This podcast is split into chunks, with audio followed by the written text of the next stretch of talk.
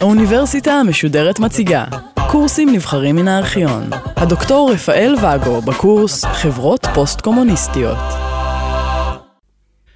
הבמאי הפולני הנודע, אנג'י ויידה, הפסיק לעשות סרטים חדשים, כיוון שעל פי דבריו, הקהל שלנו איננו קיים עוד. סופרים נודעים, אשר עם חילופי השלטון מכרו מאות אלפי עותקים ביצירותיהם, כיום במקרה הטוב מגיעים לכמה אלפים. בראשית 1990, תור של כ-800 מטר השתרך עם הופעת ספר חדש של ואצלב האוול, נשיאה הראשון של הרפובליקה הצ'כוסלובקית אחרי חילופי השלטון. ספק אם הופעת קובץ נאומיו של נשיא צ'כיה כיום היה מושך קהל של אלפים. אומנים, אינטלקטואלים, מדברים היום במונחים של ניצחון החופש, אשר הוביל, לדעתם, לניצחון תרבות הזבל. אולי המילים והדוגמאות חריפות, אבל אין ספק שהתרבות הפוסט-קומוניסטית משקפת את קשיי המעבר ואכזבה ציפיות רבות. לעומת זאת, יש התעניינות רבה ביותר במערב לתרבות הפוסט-קומוניסטית. נוכל לציין במסגרת הקצרה שלנו שלפחות שתי תערוכות גדולות סובבו במדינות המערב בשנת, בשנת 2000, אחת מהן בשם אחרי החומה, אומנות ותרבות פוסט-קומוניסטית, ותערוכה שנייה בשם מודרניזם אירופי והאומנות במרכז אירופה. תערוכה שהגיעה גם אמנם למרכז אירופה, אבל הציגה בפני הקהל המערבי את הישגי התרבות הפוסט-קומוניסטית, הישגים שאנחנו דווקא נציג אותם במסגרת שלנו ככישלונות מנקודת מבט מרכז-מזרח אירופאית. האינטלקטואלים כידוע היו מתנגדי המשטר המובילים. אנשי הרוח בפולין, אשר כרתו ברית עם סולידריות, בוגרי אביב פראג ב-1968, אשר המשיכו בהתנגדות למשטר הקומוניסטי במסגרת תנועת אמנה 77, סופרים בולטים בהונגריה, אשר הניחו את היסודות לתרבות אלטרנטיבית עוד בתקופת המשטר הקומוניסטי, משוררים, סופרים ברומניה, אשר שילמו במאסר וברדיפות מידי משטרו של צ'אושסקו. כל אלה הפכו לדמויות נערצות אחרי 1989, וכמובן גם חביבי התקשורת המערבית. אולם נדמה שהתהילה הראשונית חלפה מהר מדי. בתוך כמה שנים הפכו חלק מגיבורי 89 בתחום התרבותי לאנשים מתוסכלים, מבוקשים עדיין, אבל בעיקר במכללות ובפורומים התרבותיים במערב, לעומת זאת פחות ופחות ידועים לבני הדור הצעיר במזרח. על כך העיר ג'ורג' קונרד, סופר יהודי, הונגרי יהודי, כמלנכוליה של החופש. האיקונים התרבותיים החדשים הם גיבורי התרבות העממית המערבית, ומבקרי מצב התרבות הפוסט-קומוניסטית מצביעים על שקיעת התרבות האותנטית, המקורית, הייחודית לאזור. ביקורת זאת באה לא רק מכיוון גורמים לאומניים שהיינו מצפים, אלא גם מתוך יסודות שבהחלט נחשבים כפרו-מערבים, אבל כואבים את אובדן היצירתיות המקורית. הללו מתלוננים על ניצחון תהליך הגלובליזציה, גם בתחום התרבותי. סרטי פודינג, כפי שנקראים סרטים רב-לאומיים, השתלטו על המסכים במקום יצירות מקומיות ומקוריות. כתבי יד תרבותיים, אשר צמחו לאחר 1989, מצטמצמים, חלקם נעלמים, ללא סיוע מערבי או ללא סיוע מקומי. מעניין לציין למשל, שחלק מן הממסד האינטלקטואלי מודע לסכנה הזאת, שבהיעלמות כתבי עת אומנותיים תרבותיים שצמחו לאחר 89, וכך לדוגמה, הספרייה הלאומית הפולנית אה, השתלטה, אם אפשר להגיד, או החליטה לסבסד ב-1999 קרוב ל-30 כתבי עת מהסוג הזה, כדי שהם לא, לא ייעלמו. חתן פרס נובל לספרות, צ'סלב מילוש הפולני ציין שדווקא יש לעודד את הכתבים הללו, את כתבי העת הללו, כיוון שהם בעצם מבשרי הטרנדים החדשים בתרבות הפוסט-קומוניסטית, ויש לעשות הכל לדעתו על מנת להציל את התופעה הזאת. אם כי אולי התמונה פחות קודרת, כפי שהמבקרים טוענים, יש מספר הסברים למצוקה התרבותית בעידן הפוסט-קומוניסטי. התרבות בתקופה הקומוניסטית הייתה מסובסדת, וכמובן תחת ביקורת המשטר. עם היעלמות הקומוניזם, בא הקץ לתרבות המסובסדת, הזולה, כאשר ההמונים יכלו להרשות לעצמם לא רק סרטי קולנוע, אלא גם הצגות יוקרתיות וקונצרטים. הנוסטלגיה כיום איננה מכוונת לאופי התרבות הקומוניסטית, אלא להיבט החומרי, הנגישות העממית הקלה, הזולה, לתרבות. לדוגמה, ערב שקיעת המשטר הקומוניסטי, ביקרו בבודפסט מדי שנה כ-17 מיליון איש בבתי הקולנוע, לעומת כ-5 מיליון באמצע שנות ה-90. הבעיות הכלכליות השוטפות, עליית המחירים, פגעו קשה כמובן בכל ענפי התרבות. נעשה כמובן ניסיון למצוא מקורות מימון חילופיים. בשנים האחרונות אכן גדלו ההשקעות הממלכתיות בתרבות, אבל התופעה הזאת העלתה חששות בפני מעורבות ממלכתית בסגנון הקומוניסטי הישן. כך התנהל, התנהלו ויכוחים בהונגריה לקראת שנת 2000 בין אנשי רוח המזוהים עם ממשלת המרכז הימין באותה תקופה לבין מתנגדיהם, אשר האשימו את הממשלה בטיפוח תרבות מטעם. ויכוח מר בין אנשי התרבות, אשר פרץ למעשה בכל רחבי האזור, בסגנון של מי מכר כבר את עצמו לשלטון החדש, פוגע כמובן בחיי התרבות ומכיר את האווירה. אולי טעותם של האינטלקטואלים הייתה שזיהו את הכסף הציבורי הממלכתי כאויב של התרבות הפוסט-קומוניסטית, על פי בעצם קווי חשיבה קודמים בסגנון הקומוניסטי. מספרים על שר תרבות צרפתי אשר ביקר בפראג ודיבר עם אומנים צ'כים ועודד אותם לקבל השקעות ומעורבות ממלכתית במימון של הפעולות התרבותיות. מאחורי גבו אמרו על אותו שר צרפתי, עמיתיו הצ'כים, שהוא בעצם קומוניסט. כמו בענפי המשק האחרים, ולמרות ייחודיות הענף התרבותי, ההפרטה, הפריבטיזציה, גרמה לפגיעה ברמה וחיפוש מהיר אחר רווחים קלים, למורת רוחם של שכבת המשכילים והיוצרים במדינות הללו. מקום מרכזי במערכת הזאת כמובן גם לסיוע המערבי, קרנות השקעות, אשר אכן מאפשרים שמירת רמה והמשכיות תוך כדי השינויים הכלכליים והזעזועים העוברים על האזור. אולם נדמה שלא כל המצוקות של התרבות הפוסט-קומוניסטית נובעות מתהליכים כלכליים. מדובר בתהליכים עמוקים יותר, אשר יצרו משבר זהות מתמשך בכל מדינות האזור. סוכני התרבות, משוררים, אומנים, סופרים, מלחינים וכך הלאה, היוו את עמוד השדרה של ההתנגדות הרוחנית לקומוניזם. עם נפילת המשטרים, יצירותיהם אינן רלוונטיות עוד למשימות העתידיות של החברה. מספרם של המעוניינים במאבקי עבר, בהתמודדות עם העבר הקומוניסטי, הולך ופוחת באזור הזה. לכן הציבור מאבד עניין באותם יוצרים, מוכשרים ככל שיהיו, אשר התפרסמו ובנו עצמם ממאבק נגד הקומוניזם. נכון שחלקם נרתמו לחשיפות קשיי הפוסט-קומוניזם, אבל גם נושאים אלה פחות מבוקשים כבר כיום. חלק ממשכילי תקופת 1989 לא הצליחו להתאים עצמם לקצב החדש של החיים, וייתכן גם שהם תקועים אי שם בעולם המושגים והמעשים של התקופה ההירואית ביניהם, תקופת ההתנגדות לקומוניזם. יצירות לא מעטות פונות למתן הסברים ואולי הצדקה למה שעבר על הדורות בתקופה הקומוניסטית. גם בתחום זה, קהל המעוניינים לא בהכרח גדול. סופר הכותב זיכרונותיו ומספר מתי הפך למתנגד של המשטר, כמובן בתוך ליבו, אולם המשיך להיות חבר מפלגה עד הסוף, סוג כזה של וידוי, שבו הסופר מנסה לטהר את עצמו, אינו מושך כבר קהל רב. הדור הצעיר אינו מעוניין, והדור המבוגר מכיר כבר היטב את הנרטיב. האינטלקטואלים, באופן כללי אפשר להגיד, איבדו את תכונתם החשובה, הביקורתית, כלפי החברה והמשטר. בתקופה הקומוניסטית זה היה סימן היכר שלהם, אולם כאשר אינטלקטואל פוסט-קומוניסטי מנסה להזהיר ביצירותיו או במאמריו הפולמוסיים בפני ריקנות הדור הפוסט-קומוניסטי, מיד הוא מואשם באהדה ונוסטלגיה למשטר הקודם.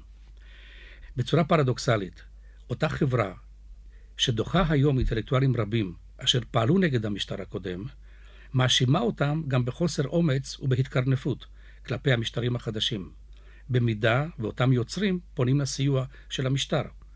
מכאן גם שהציבור מצפה מיוצרי התרבות כמעט את הבלתי אפשרי, מצפה מהם עבר נקי, כלומר, מאבק נגד השלטון הקומוניסטי, אבל כידוע, לא כולם יצאו כנגד המשטר הקודם, והציבור מצפה מהם כיום אומץ לב ביקורתי, כאשר הציבור עצמו מחפש דרכו בעולם של שינויים מהירים.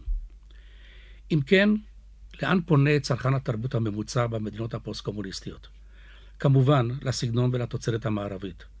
כי הרי הפרט המבקש חיים חומריים וסגנון חיים מערבי, מאמץ גם את דפוסי התרבות אשר הייתה לרוב מחוץ לתחום בתקופה הקומוניסטית. הדור הצעיר כבר אינו תופס את התרבות המערבית כמשהו שנבצר ממנו לגעת בו. בעשור האחרון, הדור הזה כבר גדל לתוך התרבות המערבית, ספג מן הדור הקודם את קסם המערב, אולם, על פי טענת המבוגרים יותר, פנה הדור הצעיר לתרבות הזבל של המערב. בצורה פרדוקסלית כזאת, מוצאים עצמם אינטלקטואלים, אשר לפני עשור דיברו בזכות המערביזציה, מול הקומוניזם כמובן באותה תקופה, מדברים כיום נגד השפעות המערב. משבר דומה גם פוקד את מוסדות ההשכלה הגבוהה. קשיים כלכליים, עלייה בשכר הלימוד, התמודדות מערכת מכוני וגופי המחקר המסובסדים של התקופה הקומוניסטית, וחשש שהאליטה האינטלקטואלית הצומחת תרכוש השכלתה בשלוחות של מכללות מערביות או מקומיות המכוונות להכין את הדור הצעיר לעידן ההייטק, הניהול והכלכלה, ופחות לחיי הרוח והתרבות, הכניסו מימד נוסף במשבר התרבותי העובר על האזור. רבים מן המשכילים הצעירים נהנו מן האפשרויות ללמוד במערב בעשור האחרון, חלקם אף העדיפו להישאר במערב, ולכן חלק מן הסיוע המערבי בתחומי ההשכלה והתרבות למדינות הפוסט-קומוניסטיות גרם לבריחת מוחות מקומיים, בניגוד אולי לכוונה המקורית והטובה. לתרבות הפוסט-קומוניסטית גם מאפיינים אזוריים מעניינים. כמו בתחומים אחרים, עם שבירת הקשר הכפוי והמלאכותי בין המדינות הקומוניסטיות, הפוסט-קומוניזם החזיר את הייחודי, את המקומי, גם בחיי התרבות והרוח. כך לדוגמה, חלק ניכר מן הסרטים אשר הופקו במדינות השונות עוסקים לא רק בעבר הקומוניסטי, אלא גם בתקופת מלחמת העולם השנייה, ובכלל במאה ה-20 הקצרה כפי שהיא מוגדרת. נושאים רגישים אלה, כגון שיתוף הפעולה עם האויב, התנהגות בית הכיבוש הנאצי, שיתוף פעולה עם הפשיסטים, בשילוב, בשלב המאוחר יותר, עם אלמנטים של שיתוף פעולה עם השלטון הקומוניסטי, עם כל ההבדלים. אין ספק שחלק מן המוטיבים הללו יוצרים מבוקה ומעוררים שאלות נוספות, בעיקר בקרב הקהל הצעיר יותר. ההתמודדות עם הזיכרון ההיסטורי הובילה גם לתחיית עיקונים תרבותיים ישנים, או כאלה שהיו פסולים על ידי הקומוניסטים.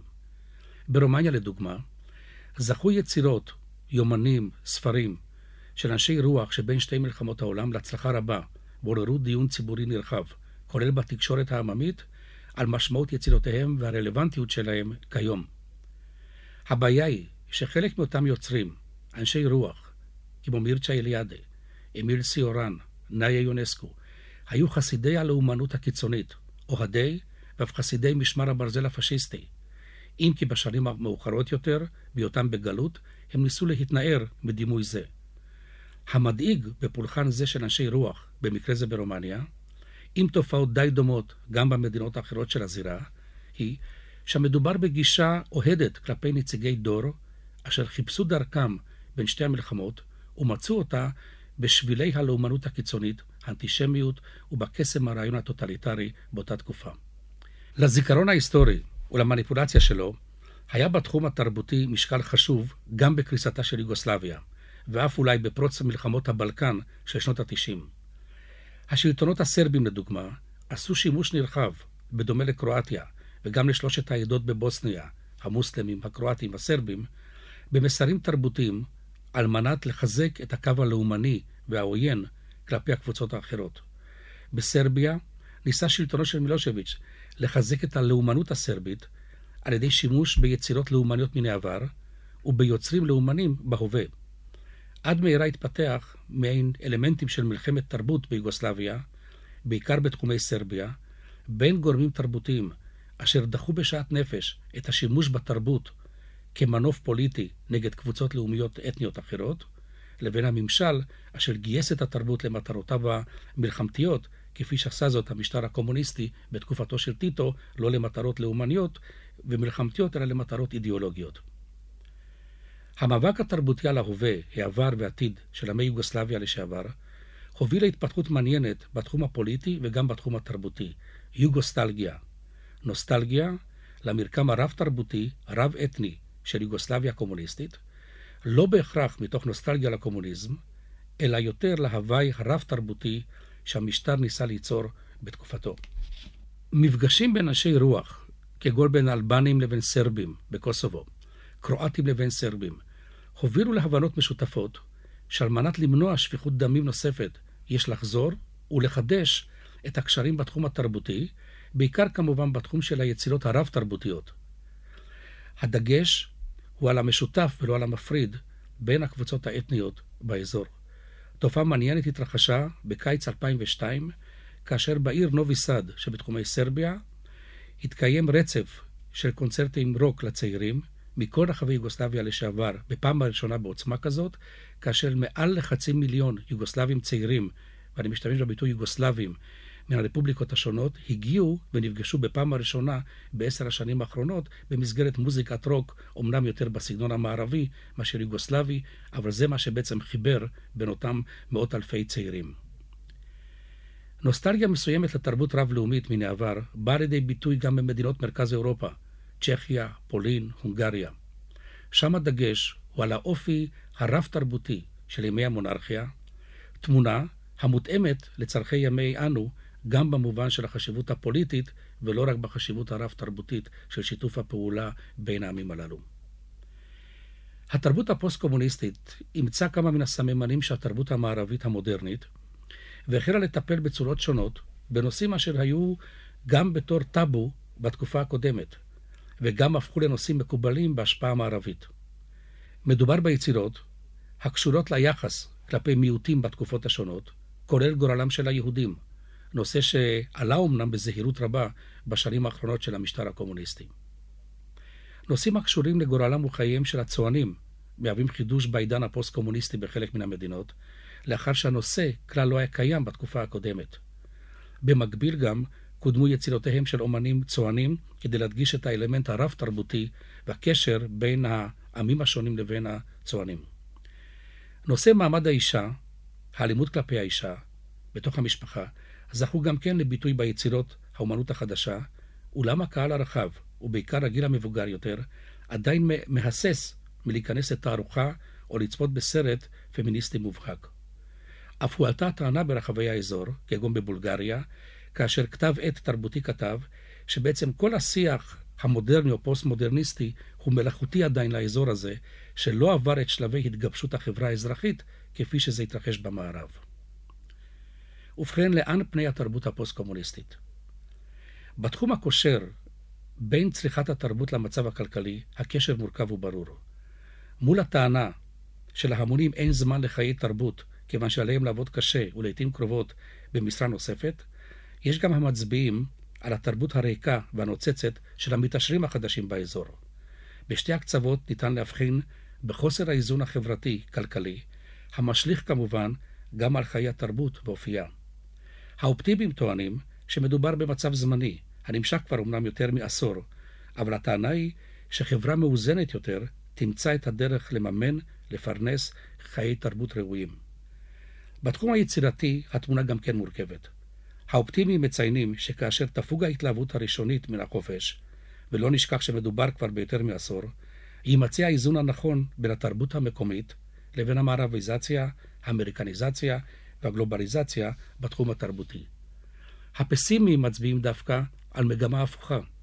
מצביעים על ריבוי תחנות הטלוויזיה, המעלות תוכניות רדודות ועל ירידה בהפקות מקומיות. הפסימיים מצביעים על כך שהעידן הפוסט-קומוניסטי טרם הוליד זרמים ייחודיים לתקופה הנוכחית, ובאשר לסרטים הרבים העוסקים בתקופה הקומוניסטית, הרי הציבור הרחב אינו מעוניין בסרט בו הם עצמם כיכבו במהלך חייהם.